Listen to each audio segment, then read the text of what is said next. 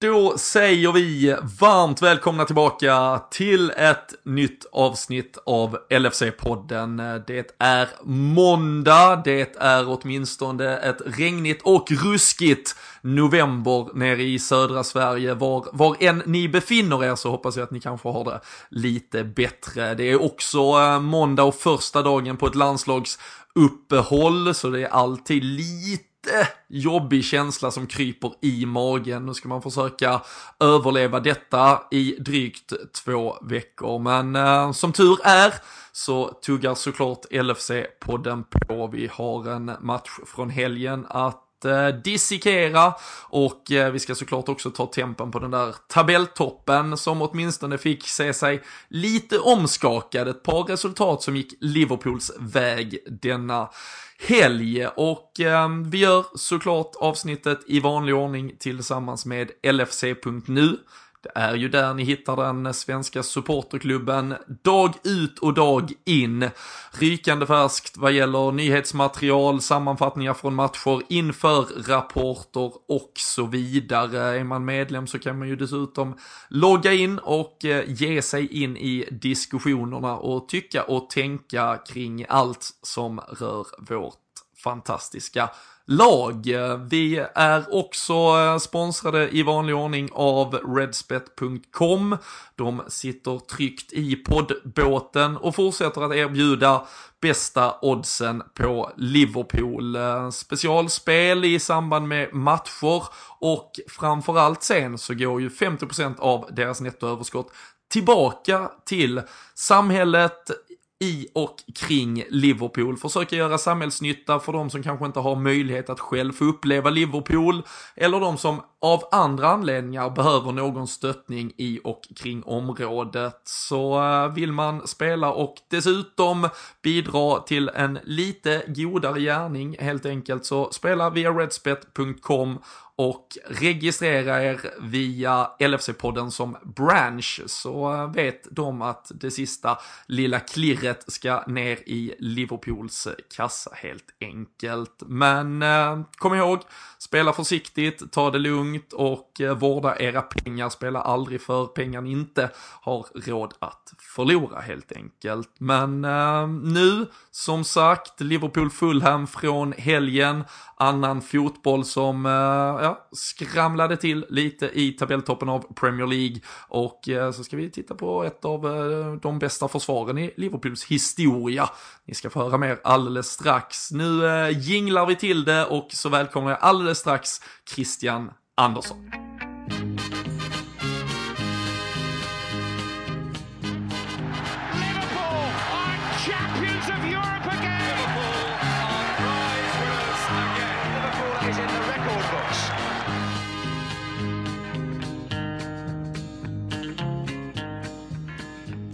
Jajamän, uh, jingel som eh, nästan kan eh, lyfta den här novembermåndagen. eller vad säger du Christian, hur är status i Norrköping förutom att det är gulddepp efter missat allsvenskt guld, även om det kanske var en högoddsare utan dess like.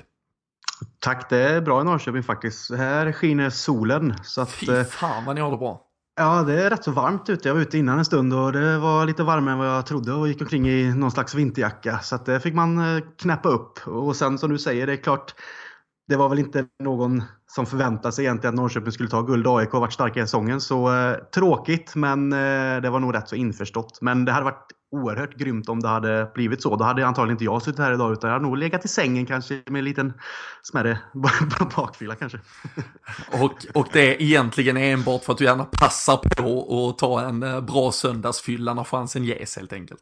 Ja, lite så. Nej, men jag, jag har väl sympatier med Norrköping sedan jag flyttade hit. Jag har ju inget direkt favoritlag i Allsvenskan, men de trillar rätt så trevlig fotboll, offensivt lag, många egna talanger också för den delen. Bra supportrar så, så att, att gå och titta på Norrköping är, är kul och när det går bra för dem på det här sättet så är det klart att man ändå är med och stöttar. Så jag var faktiskt på puben igår och tittade på Liverpool först och sen på Norrköpingsmatchen och så gick det ju som det gick. Men eh, möjligheten fanns där, men eh, det var väl kanske bra att man fick gå hem och lägga sig ändå nu när det vankas måndag och en ny arbetsvecka. Precis, och eh, vår gamla poddkompis eh, Daja Sjölund, Daniel Sjölund har nu lagt även Norrköpingsskorna på hyllan.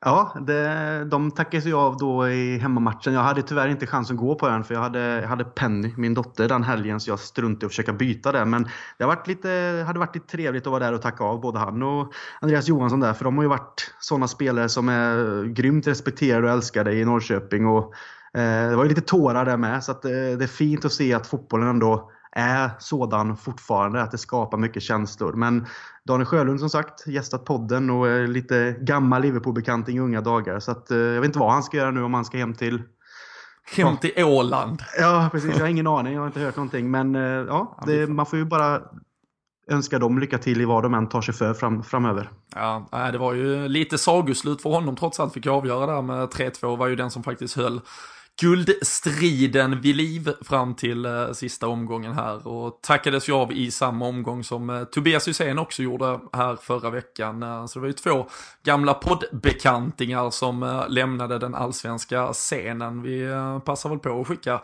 lite kärlek till eh, båda två och önskar dem eh, lycka till framöver. Eh, Men eh, vi ska såklart eh, fokusera på det som hände på de brittiska öarna och inte så mycket vad som skedde i den svenska fotbollsmyllan. Och eh, det var som sagt en intensiv söndag på många sätt och vis. Eh, det var egentligen bara Tottenham ur den där toppstriden som hade gått en fight redan på lördagskvällen. De tog sin femte raka 1-0-seger mot Crystal Palace, eh, noterades.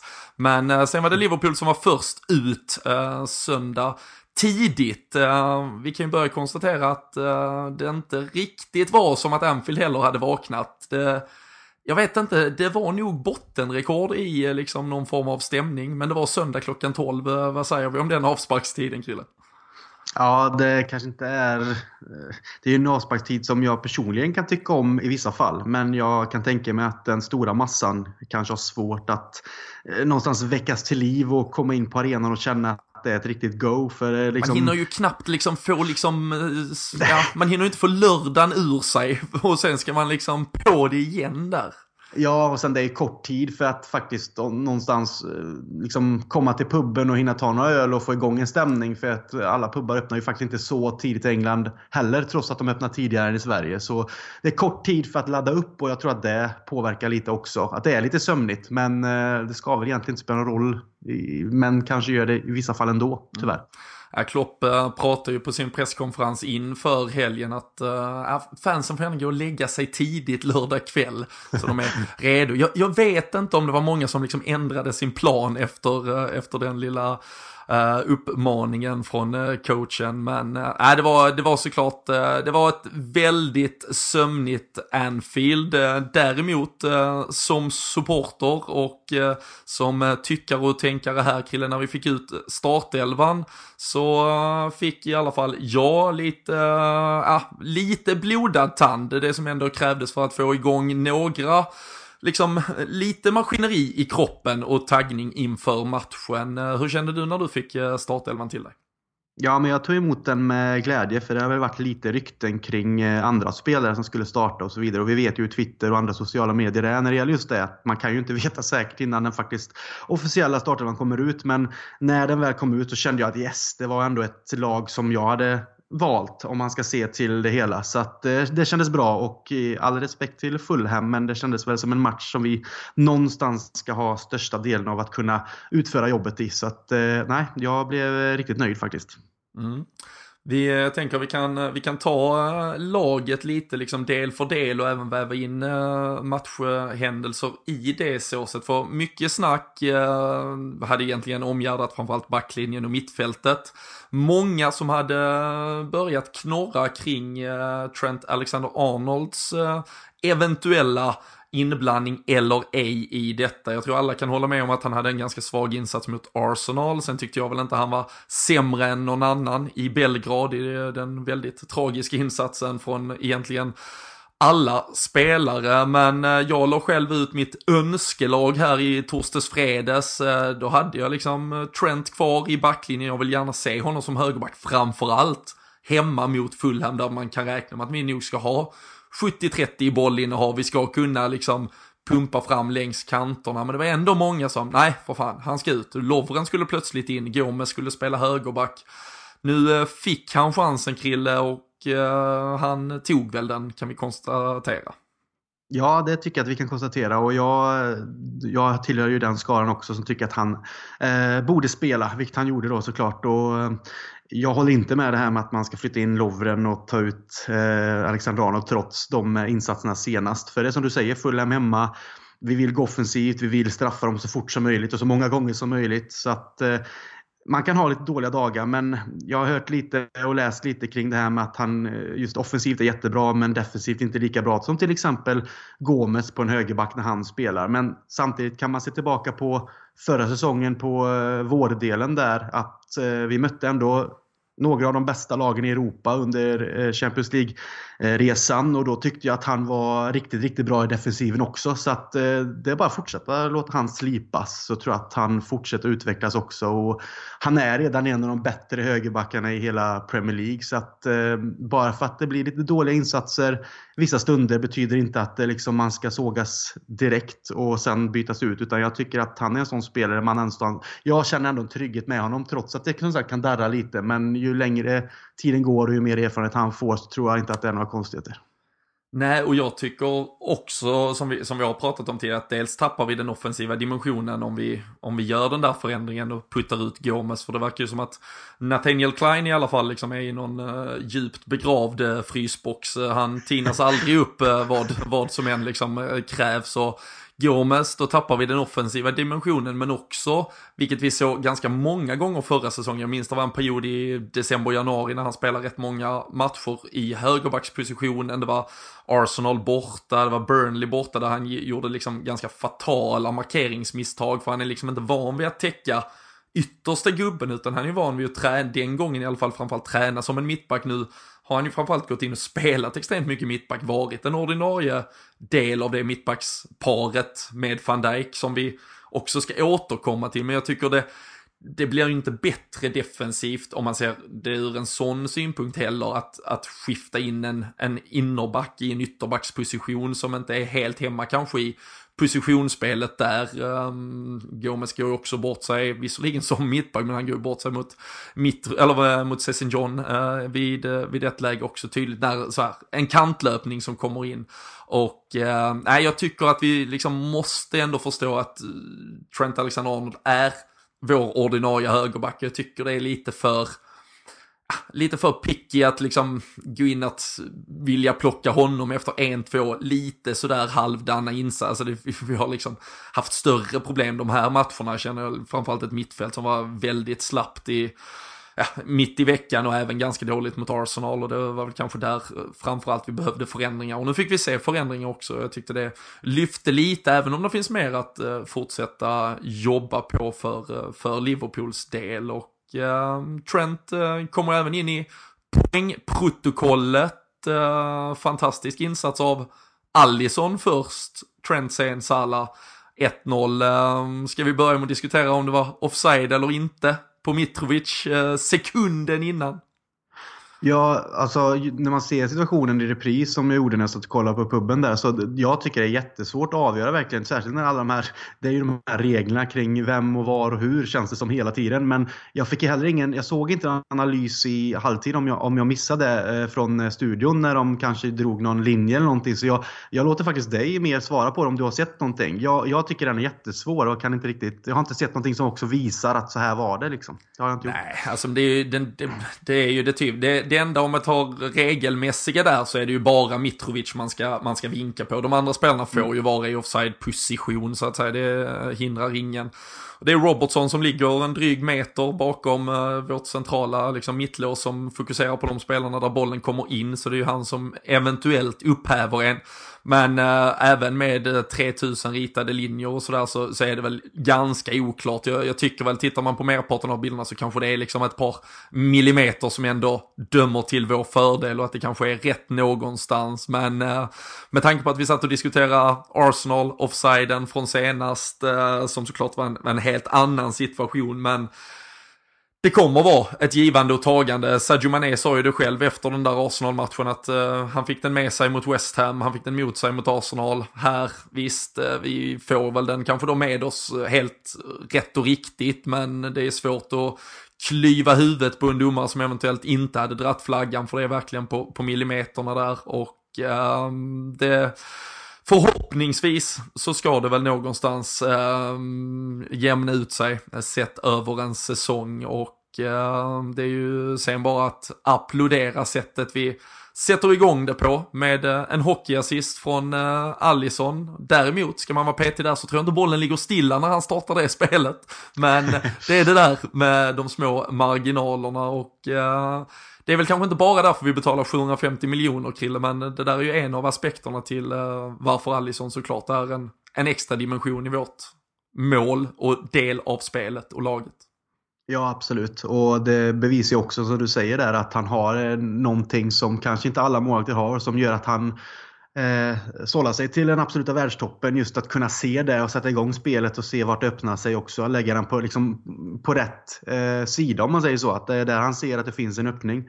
Och Det är lite kul också. Det är knappt så att man hann med och faktiskt se målet för man hade knappt hunnit diskutera själva offsiden innan. Alltså Salah var ju fri när man tittade nästa gång på TV. Ja, precis. Man satt ju jämte på puben där och liksom höll sin öl och snackade med personen jämte. Bara det här med offsiden. Och men nu ska vi titta på reprisen och så ser man bara Salah springa eh, fri och då tänker man att kom igen nu sätt det nu. Och det gjorde han ju med, till, till vår glädje. Men absolut just eh, spelet från Alisson till Alexander Arnold och sen hitta den passningen runt också till Salah. Hela den, det händelseförloppet är eh, alltså på högsta nivå egentligen. Det, det, ser ju egentligen enkelt ut men att faktiskt få till det för att skapa situation för situation där. Att Alisson hittar Alexander Arnold som snabbt eh, ser och hittar Salah med en perfekt passning och sen Salah som kan komma i den situationen och också avsluta i mål. Så jag vet inte, vad sa de att det tog? En 14-15 sekunder eller? Ja, ja, just... 30, ja, jag har läst 13 och så, men det, ja, okay. ja, det, det är ju... Där, från offsiden till att vi gör målet. Så att mm det, är också till att någonstans slå fullan på käften lite. Liksom, att de gör egentligen ett, vad de tror ett eh, 1-0 mål för sig och så vinkas det av för offside och vi trycker iväg bollen och så gör vi mål. Det måste ju kännas förjävligt också. Så det gör det inte lättare för dem. Trots att de inte... De hade, de hade några chanser såklart. Så att, eh, men just den delen tror jag också gör det jäkligt tungt för dem.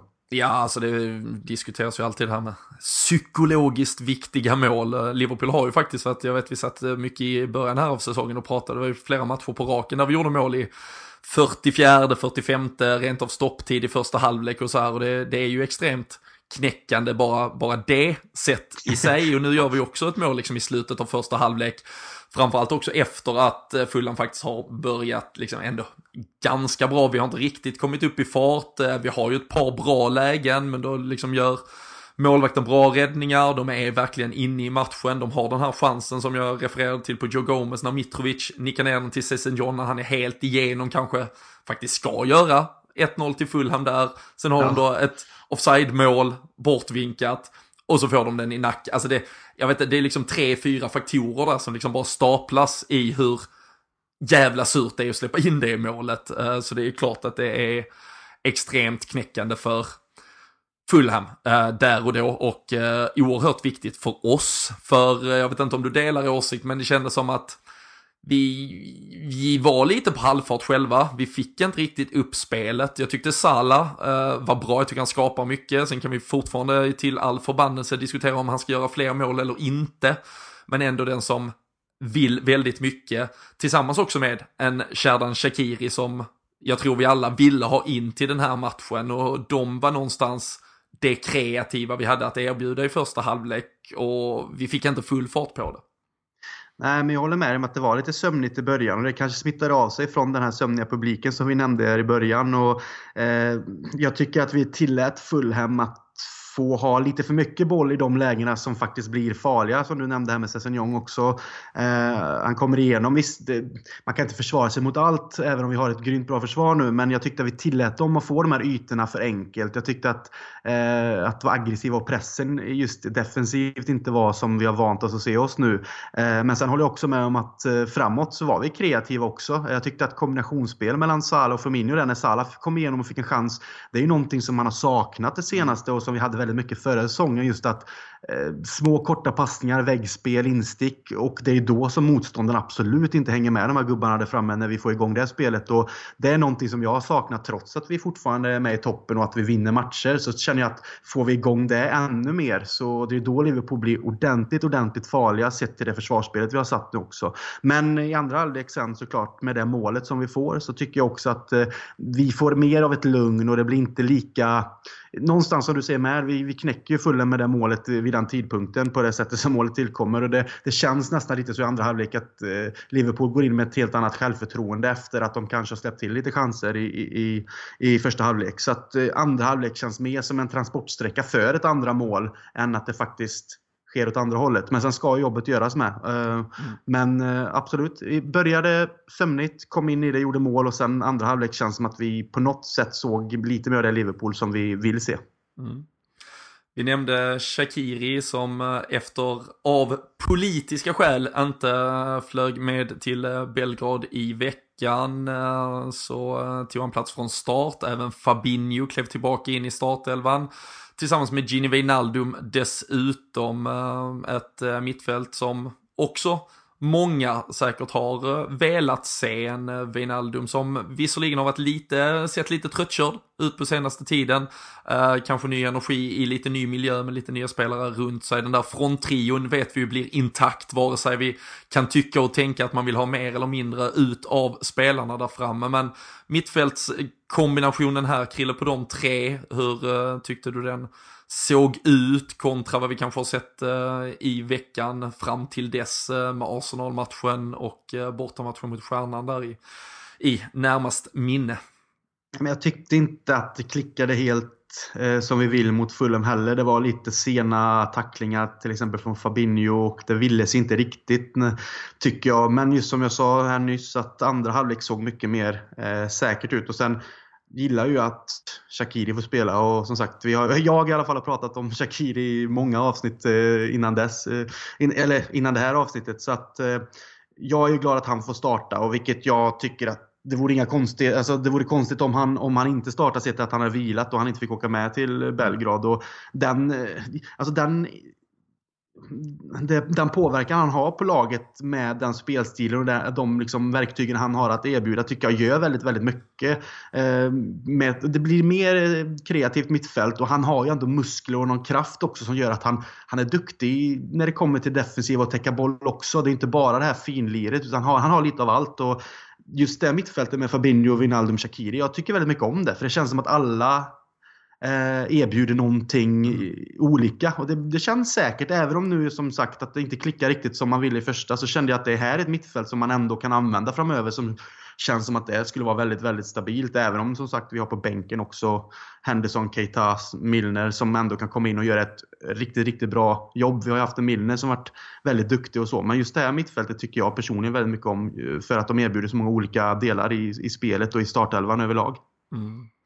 Vi eh, ska inte dra några kanske liknelser i övrigt så sett, men det är om man tittar till exempel på ett Manchester City, jag tror många som lyssnar på detta så, deras eh, derby mot eh, United, eh, har säkert sett dem tidigare, där Fernandinho någonstans liknas lite vid den roll Fabinho förvänta, förväntas ha hos oss. Och de har ju hela tiden, de ger ju plats åt väldigt mycket mer kreativitet på sitt, om man säger mittfält i övrigt, om man jämför med när vi kanske ibland då har spelat en ja, en, en Henderson, Milner, Wijnaldum eller en Fabinho, Milner, Henderson. Alltså, ibland känns det som att vi har över använt oss av hårdjobbare lite i onödan på mittfältet. Det finns såklart matcher främst mot kanske just ett sånt lag som City och det kommer vara andra tuffa bataljer där det kommer krävas.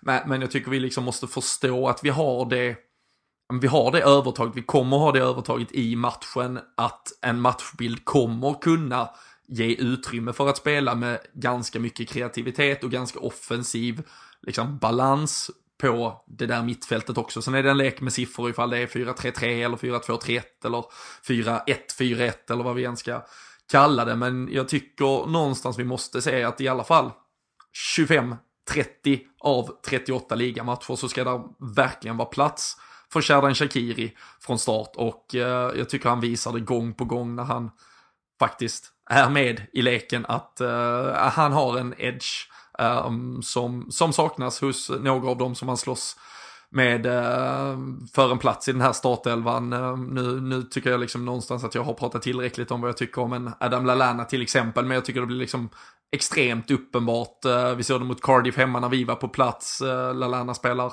vad gör han, 60-65 minuter, sen kommer Shakir in och det är en helt ny uh, match, en helt ny spelare som liksom verkligen vill bidra på ett annat sätt. Um, vi såg vad som saknades mot Röda Stjärnan borta, även om det var väldigt mycket mer som saknades. än kontra Röda Stjärnan hemma och sen var det ju såklart en, en, en atmosfär och inramning som också ställde till det på så sätt. Men även nu när han kommer in i leken igen så, så visar han sig vara viktig för Liverpool. Han utgör ett hot på fasta situationer, han kan själv skapa i ett förarbete, han kan själv vara längst fram och avsluta det dessutom. Så um, det känns som att han är eh, en spelare när det kanske knakar lite i övrigt, om vi tar poängmässigt i alla fall, på en anfallare i Roberto Firmino och en, en Sadio Mané som nu kanske är någon form av liten minidipp, om man får lov att vara det, när man trots allt har gjort sex ligamål så här långt. Så eh, nej, känns väldigt, väldigt viktig och eh, känns som att han påverkar direkt han är med i matchen. Så vi slår fast Krille att han är podden approved i alla fall för mer starter framöver helt enkelt.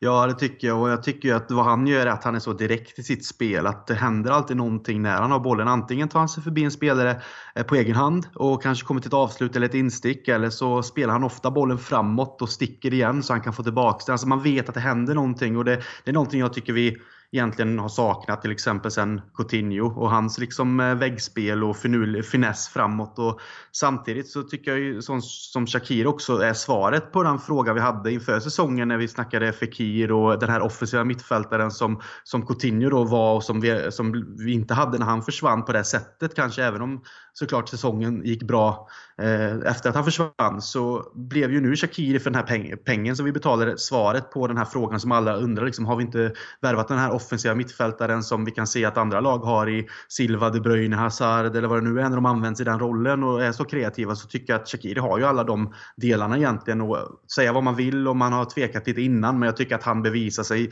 om och om igen att det här är en spelare som ska vara på plan. Och ja, det är hård konkurrens om platserna, men jag tycker att han håller den nivån som krävs för att det inte ska finnas någon fråga. Utan det handlar egentligen om att han ska sluta producera för att han ska sättas på bänken i min mening. Så att eh, absolut, podden approved utan problem. Mm. Nej, jag, jag håller med dig, du är inne på det med Coutinho som har plockats ut ur det här laget, en eh, Oxlade Chamberlain som i någon form av variant bidrog med, med, delar av det som Shakiri nu kan bidra med, i alla fall genom att bryta linjer både med sin egen rörelse och med liksom ett offensivt Uh, ja, men en offensiv syn på, på spelet helt enkelt. Jag tror också att Klopp hade en förhoppning om att Nabi Keita skulle vara mer av den spelaren redan direkt från början. Det är så man minns honom. Jag tror många liksom har sett honom och highlights från Bundesliga där han alltid har varit en ja, men ett hot offensivt med både mål och assist och har inte riktigt liksom eh, funnit den rollen i, i Liverpool och det har säkert väldigt många olika omständigheter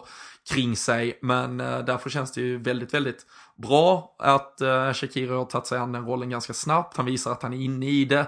Um, det här med Premier League-rutinen kanske trots allt har någon form av betydelse i detta och um, som du säger, jag tycker han är på en nivå nu där han uh, får spela sig bort från startelvan uh, snarare än att det ska diskuteras om han ska vara där eller inte för uh, just nu är han en av de första, tycker jag, på ett, eh, på ett mittfält och en självklar del för att eh, behålla liksom, ja, eh, farten, energin för Liverpools del. Det väntar också ett par matcher som vi, så att säga, på pappret nu förväntas vinna och då tycker jag absolut han ska vara en del av det laget vi ställer på benen. Ehm, men vi vilar som sagt nästa helg, det är landslagsuppehåll så vi kommer såklart tillbaka med uppsnack när det vankas Watford på bortaplan som det gör i nästa omgång. Eh, Mohamed Salah annars, alltså, eh, Krille, det var han som satte dit 1-0. Han hade som sagt missat ett par chanser innan. Han har nu sex Premier League-mål. Han har åtta mål totalt, fyra assist den här säsongen.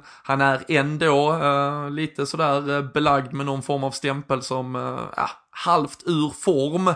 Medan eh, Eden Hazard med exakt samma stats, eh, om vi tittar 8 plus 4, eh, anses vara typ bäst i världen just nu.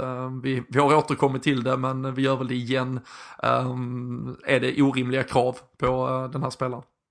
Ja, det är det och det har ju vi diskuterat som du säger tidigare och eh, som förra säsongen när man sätter den ribban för sig själv så är det klart att vi supportrar kanske blir lite Eh, alltså både så man blir överraskad, man, man vet om hans eh, egenskaper och att han är bra men man blir överraskad av att det blev så bra och då kanske det förs över en viss sån förväntan på den här säsongen att vi har Salah, han löser, han löser det liksom när det inte riktigt fungerar. Men jag tror att det stora hela så tror jag att varför man ser det med de ögonen att han inte skulle vara i form det är att som sagt, laget har inte klickat på samma sätt som förra säsongen. Spelet har inte flytit på. Vi har inte gjort lika många mål kanske på det sättet som vi såg just vårdelen. Och det, är många, det kanske är det som många ändå kommer ihåg sett till både Premier League och Champions League. Att det kändes som att hela laget var liksom ett tåg som bara körde över allt och alla med, med många mål. Och då, då blir det kanske lätt att man tänker att ah, han är inte riktigt i form för att man, laget i sig själv inte fungerar. Men sett till statsen som du nämner här så bidrar han ju fullt ut och är i form. Och sen handlar det nog mer om att det ska börja flyta mer bland de här eh, tre där framme. Med förhoppningsvis då en Shakiri som kan vara kreatör lite bakom. Eh, jag tror det är egentligen det det handlar om. Att man, man ser det med de ögonen att det inte klickar och då blir det kanske vid de tillfällen också där Salah kanske missar något eller det får inte fram en passning eller tappar boll att man tänker att han är inte i form. Men som du säger, målen och statsen visar egentligen och talar sitt tydliga språk. Så Ja, det är väl bara att fortsätta hoppas att spelet kommer igång och klickar så på det sättet som vi vet att Liverpool kan göra. Men så länge vi vinner de här matcherna och gör det här jobbet, vilket jag tror eh, Eh, är resultatet också från en väldigt stark defensiv som gör att vi är tryggare på ett annat sätt. Vi får inte samma press att de här där framme ska lösa allting och göra massa mål för att vi ska vinna för att vi kommer släppa in något. Utan nu visar det sig liksom att vi, vi vinner mot Fulham hemma med 2-0. Eh, men även om vi släpper till några chanser så är det väldigt säkert och då tror jag att hela laget känner sig mycket tryggare också. Så att nej, Sala är i form men själva lagets eh, flyt är inte på samma sätt som vi har blivit bortskämda med och det tror jag är hela grejen med det. Mm. Och um, där, jag, jag, skrev en text om det förra veckan och det, det är ju lika aktuellt nu med tanke på att City då återigen defilerar hemmet uh, i detta uh, fallet. Ett uh, derby mot liksom Manchester United, 3-1, det var ganska enkelt. De fortsätter ösa in mål, de fortsätter såklart vara otroligt starka, men någonstans så, så, så är det liksom inte lönt att vi tittar så jättemycket på vad de gör, utan det kommer handla om att vi gör vårt någonstans, vi ska göra vårt jobb, vår insats, vi ska vinna våra matcher och eh, går man till till Sverige. Vi brukar inte gå så mycket till allsvenskan, men med tanke på att det nyss avgjordes kan man väl göra det och titta på ett AIK som, ja, de har vunnit med 1-0 i stort sett varenda match. Liksom. Det har varit, eh, det har inte sett så jävla fenomenalt ut. Det har inte varit 7-0 hit och 7-0 dit som det ibland har varit för Liverpool, men sen har man plötsligt åkt på någon konstig plump mot uh, ja, Burnley hemma eller vad som helst, utan vi kanske bara ska acceptera någonstans också att vi är ett lite annorlunda balanserat lag detta året än vad vi har varit de senaste åren. Vi har en helt annan stabilitet, men då kanske vi inte heller kan förvänta att vi vinner med 6-0 till höger och vänster när vi vill det, för att vi plötsligt ska släppa alla Um, ja, men släppa liksom all säkring och bara ösa på, utan vi är ganska nöjda med att vinna med 2-0 och vi gör vårt jobb, vi tar våra poäng, vi håller en nolla, vi visar styrka och, och tar våra poäng. Och eh, tittar vi från den här rundan till exempel så har vi ett Chelsea hemma mot Everton som då misslyckas med att vinna, med all respekt för ett Everton. Vi har ett Arsenal som också har fått så mycket lovord senaste tiden för att de ändå är med där uppe i toppen redan under Emerys ledning. De får till slut 1-1 eh, med nöd och näppe hemma mot Wolves.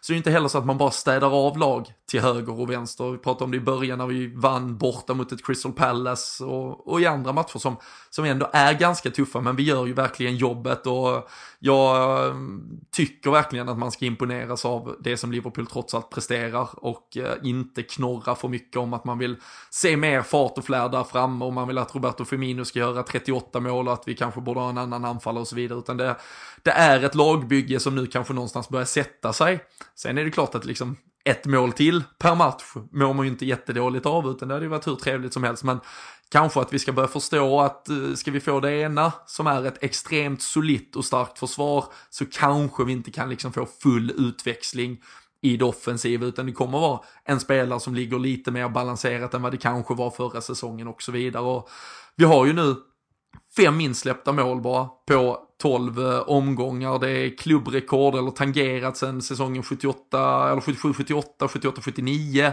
Och eh, ja, vi nämnde Allison som en del i spelet med, i hans uppbyggnad till 1-0 målet. Eh, han gör ett par räddningar och fortsätter ingjuta trygghet och framförallt en Virgil van Dijk som också fortsätter. Det är väl, någonstans måste vi väl bara lära oss, vilket vi inte har varit vana vid de senaste 20 åren till att, att hylla försvarsspelet och bara vara ganska nöjda med att vi ändå vinner.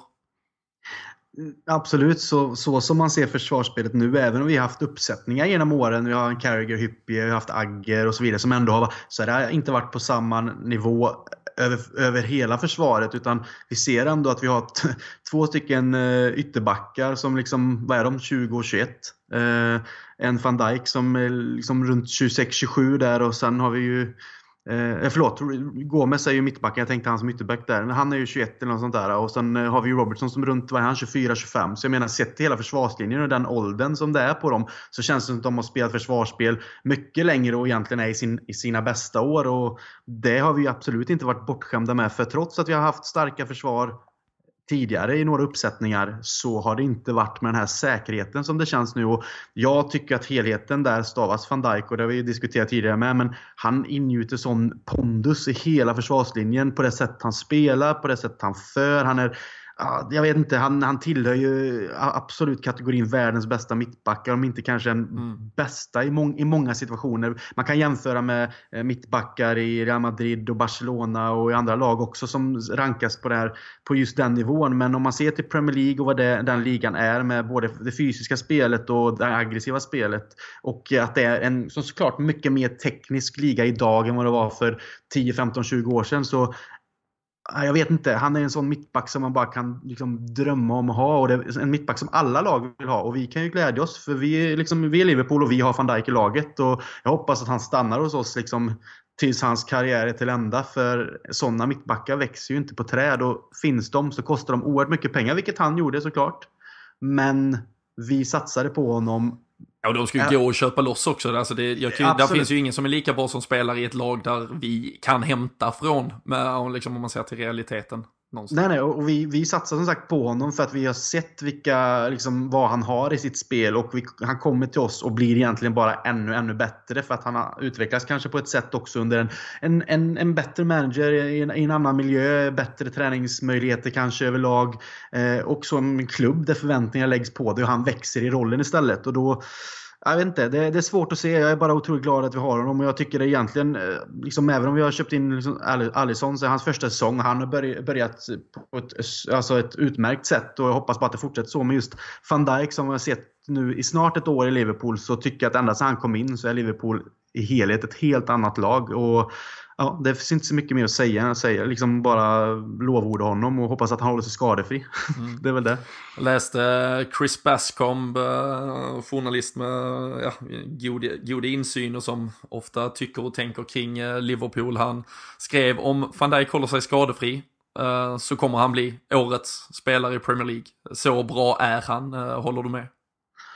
Ja, jag håller med. Alltså fortsätter han och alltså, vi har spelat som du säger 12 omgångar och fortsätter han på det här sättet eh, bara liksom, på den nivån han är nu så absolut. För han, han känns så säker och så bra och gör sällan några misstag och han har gjort något mål hit och dit. Så jag menar, Nej, jag menar varför inte? Varför ska inte en mittback kunna bli årets spelare i Premier League? Det är ofta vi ser till de offensiva spelarna och de målen de gör och kreativiteten som de har. Men eh, som en spelare som har så mycket i, liksom att erbjuda, även offensivt. Han är ju duktig med boll med. Vi ser ibland, han hade ju det här läget, eh, vilken match var det nu när han turnerade med bröstet? Och var det mot Belgrad? Nej, mot Arsenal. Ja, Arsenal. Eh, blandar ihop det med allt där. Men som sagt, att han kan till och med vara där uppe och liksom ha den tekniken och mjukheten trots att han är mittback som gör att han är ett farligt vapen framåt med. Både på huvudet men med tekniken på fötterna och sitt passningsspel. Han kan slå långa bollar, korta bollar och det sitter oftast alltid på, på, på läppen som man brukar säga. Mm. Så eh, absolut, fortsätter han bara så här så han, är han en kandidat till årets spelare utan, utan konstigheter. Mm. Ja, nej, verkligen. Kan bara instämma och skriva under. Um, Bascom skriver där också att det, det, det, ser helt enkelt ut som att uh, fotboll är en lite för enkel sport för honom. Han har liksom bemästrat sporten, vunnit över den. Och uh, man kan väl bara hålla med, det är just som du säger, pondusen och enkelheten, självklarheten i allt han gör och uh, det är ju ingen eh, poddhemlighet att vi trivs med att se honom med kaptensbinden också. Tror jag vi pratade om redan efter en vecka att han hade kommit till klubben. Jag tror till och med vi pratade om det innan han ens eh, kom till klubben, att han skulle kunna vara ett ämne för det ganska omgående. Och eh, det är en ganska vacker syn att se honom med binden runt armen. Och nej, en såklart extremt bidragande orsak till att Liverpool då inleder med sin bästa försvars insats då på 40 år helt enkelt. Eh, tangerat rekord där sedan slutet av 70-talet och eh, sju hållna nollor är ju också rekordbra i eh, ligasammanhang just nu så det ser ju verkligen formidabelt ut där bak och så ska man ju komma ihåg att Sadio Manés sex ligamål, Salah sex ligamål, det är liksom inte helt fy skam. Agüero åtta, Hazard 7. Det är liksom den nivån det ändå rör sig på. Det här är två spelare från eh, Liverpool i trots allt eh, ibland då någon form av ytterposition även om Salah numera har eh, tagit sig an den där striker-rollen mer och eh, mer. Men eh, det är alla anledningar att ändå vara positiv och väldigt nöjd när Liverpool nu går in till hösten så, ja, årets då, 2018s eh, sista landslagsuppehåll. Jag såg också att Klopp var ute nu och ja, försökte skrämma upp eh, i alla fall Garrett Southgate det, det lilla han kunde. Han tyckte Joe Gomez behövde vila eh, en hel del och sen så har han ju även tagit ut Jordan Henderson som eh, med nöd och näppe han blir frisk eh, innan det var dags för nytt landslagsuppehåll. Det tycker jag nästan är lite komiskt, eh, tror Kalle och eh, Jocke var inne på det senast. Eh, han kom tillbaka halvskadad från förra landslagsuppehållet och rehabiliterar sig under klubblagsveckorna och sen så uh, spelar han 10 minuter och så blir han uh, uttagen och ska iväg med det engelska landslaget. Men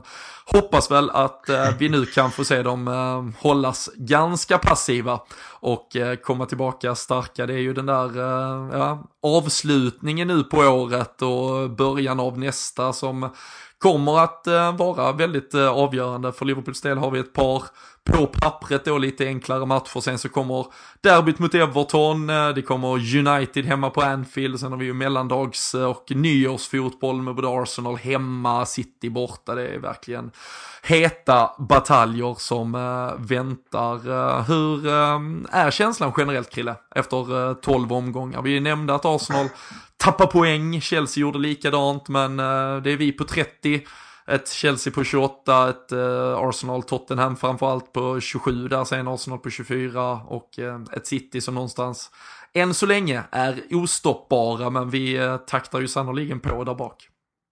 Ja, absolut. Och som sagt, eh, man kan inte egentligen gnälla på någonting när man eh, väl analyserar den här biten av säsongen som har gått. Och visst, vi går in i en tuff period som du säger sen under vintern här och mycket avgörs ju där om man ska hänga kvar i toppen eller inte. Men jag är inte direkt oroad och det enda man egentligen kan tycka är tråkigt då, det är kanske att vi inte har sett Liverpool klicka fullt ut som lag fast vi ändå är stabila som lag. Jag tror att folk förstår vad jag menar när jag säger just det här flytet som vi var bortskämda med förra säsongen. Men samtidigt är det också ett flyt som man inte kan begära ska finnas där hela tiden. Utan jag ser hellre att vi är ett lag som om man ändå ska dra paralleller till ett United under 90-talet och början av 2000-talet som var ett sånt stabilt balanserat lag och som ägde egentligen mycket matcher och sen bara var tålmodiga i sitt sätt att spela och sen gjorde 1-2-0 på sina motståndare och, och, vann matcher. Så jag tycker att, att ett, om Liverpool kan vara ett sånt lag där vi inte behöver göra 5-6 mål som du sa tidigare utan mer göra jobbet och ta, eh, liksom, ta chanserna som vi radar upp, att vi gör några mål och sen håller tätt. Så då kan det här bära väldigt långt. Och som du säger med, man kan inte stirra på vad City gör. City är City och ett fruktansvärt bra lag med duktig, liksom, så många duktiga spelare och spelar så bra fotboll. Så det, det är klart det blir jättesvårt men samtidigt så som du sa också innan så måste vi bara göra vårt jobb mm. och eh, till slut så kommer antagligen City tappa något och då kanske vi kan vara där och göra det här jobbet istället. Och, och kanske komma både i fatt och komma förbi. Så att, eh, nej, fortsätt på den inslagna vägen bara så finns ingenting att gnälla om. Utan det vi ser Liverpool idag göra, det är någonting som vi har liksom önskat under så många år och du och jag Robin är i samma ålder ungefär. Jag menar, man kan ju gå tillbaka och se på de här säsongerna där vi är nära att vinna eh, Premier League. Men då har det ju varit liksom att vi har burits av en spelare. Vi kan prata Suarez, Torres, Gerard och allt det här. Men när vi ser på Liverpool idag så känns det som att alla bidrar från målvakt till fronttrion liksom på det sättet som de ska i sina lagdelar. Och den konkurrensen som vi har, idag med, med att vi faktiskt kan sätta in spelare från bänken som kan göra ett, liksom det jobbet som krävs. Det är inte 17-18-åringar som är oprövade utan vi, vi har en konkurrenssituation som vi inte haft tidigare. Så att egentligen är det bara att vara, det är bara att glädjas, njuta och se framåt och hoppas att vi fortsätter på den inslagna vägen. Och nästa gång som du säger är det Watford. Och det kan ju vara också en svår match, men någonstans känner jag liksom att så som Liverpool är nu så vi har ingenting att frukta utan det är lagen som vi möter som ska frukta oss helt enkelt. Mm. Ja, verkligen. Och eh, som du säger, det, det, är någonstans, det är nya tider och på något sätt en ganska sinnessjuk säsong med tanke på att vi har tre obesegrade lag i den absoluta tabelltoppen. Eh, det, det skulle mycket väl kunna vara så när vi summerar i maj att lag både ett och två egentligen är de två bästa lagen som någonsin har spelat en Premier League-säsong med Citys fjolår undantaget. Ehm, det är ju på poängnivå just nu eh, som ser ut till att vi får ett par lag som eh, verkligen har klivit upp i eh, ett toppskikt som sällan faktiskt eller aldrig har skådat.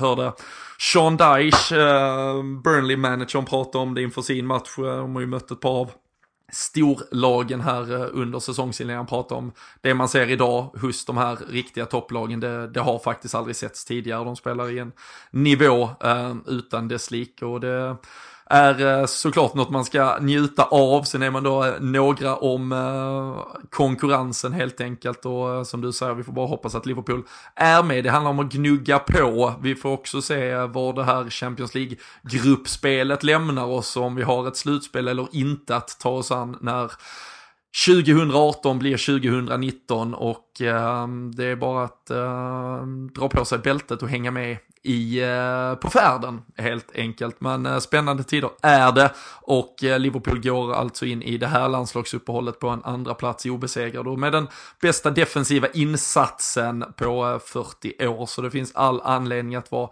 väldigt nöjda med det som presteras. Och eh, jag tycker att vi eh, knyter dagens säck med dessa ord. Uh, nu eftersom det är landslagsuppehåll så uh, blir det ett litet uppehåll, men uh, är man podmi prenumerant eller känner att man såklart vill ha mer podd även när det är uppehåll så är det drömläge nu för där kommer det komma avsnitt ganska snart och där får ni lite sidospår. Vi dyker ner i ämnen som inte alltid får plats i de här ordinarie poddarna och Eh, ni eh, följer såklart eh, vad som händer på Twitter och våra andra kanaler där vi basunerar ut vad som sker. Men vill man vara beredd och på hugget när det snart kommer nytt stoff på podmi.com så är det bara att glida in där, signa upp sig, testa på det 30 dagar alldeles gratis. Då kan man ju även konsumera lite av det som redan ligger där. Eh, vi nämnde ju Daniel Sjölund, Tobias Hysén, allsvenska profiler med lite Liverpool-kopplingar som vi har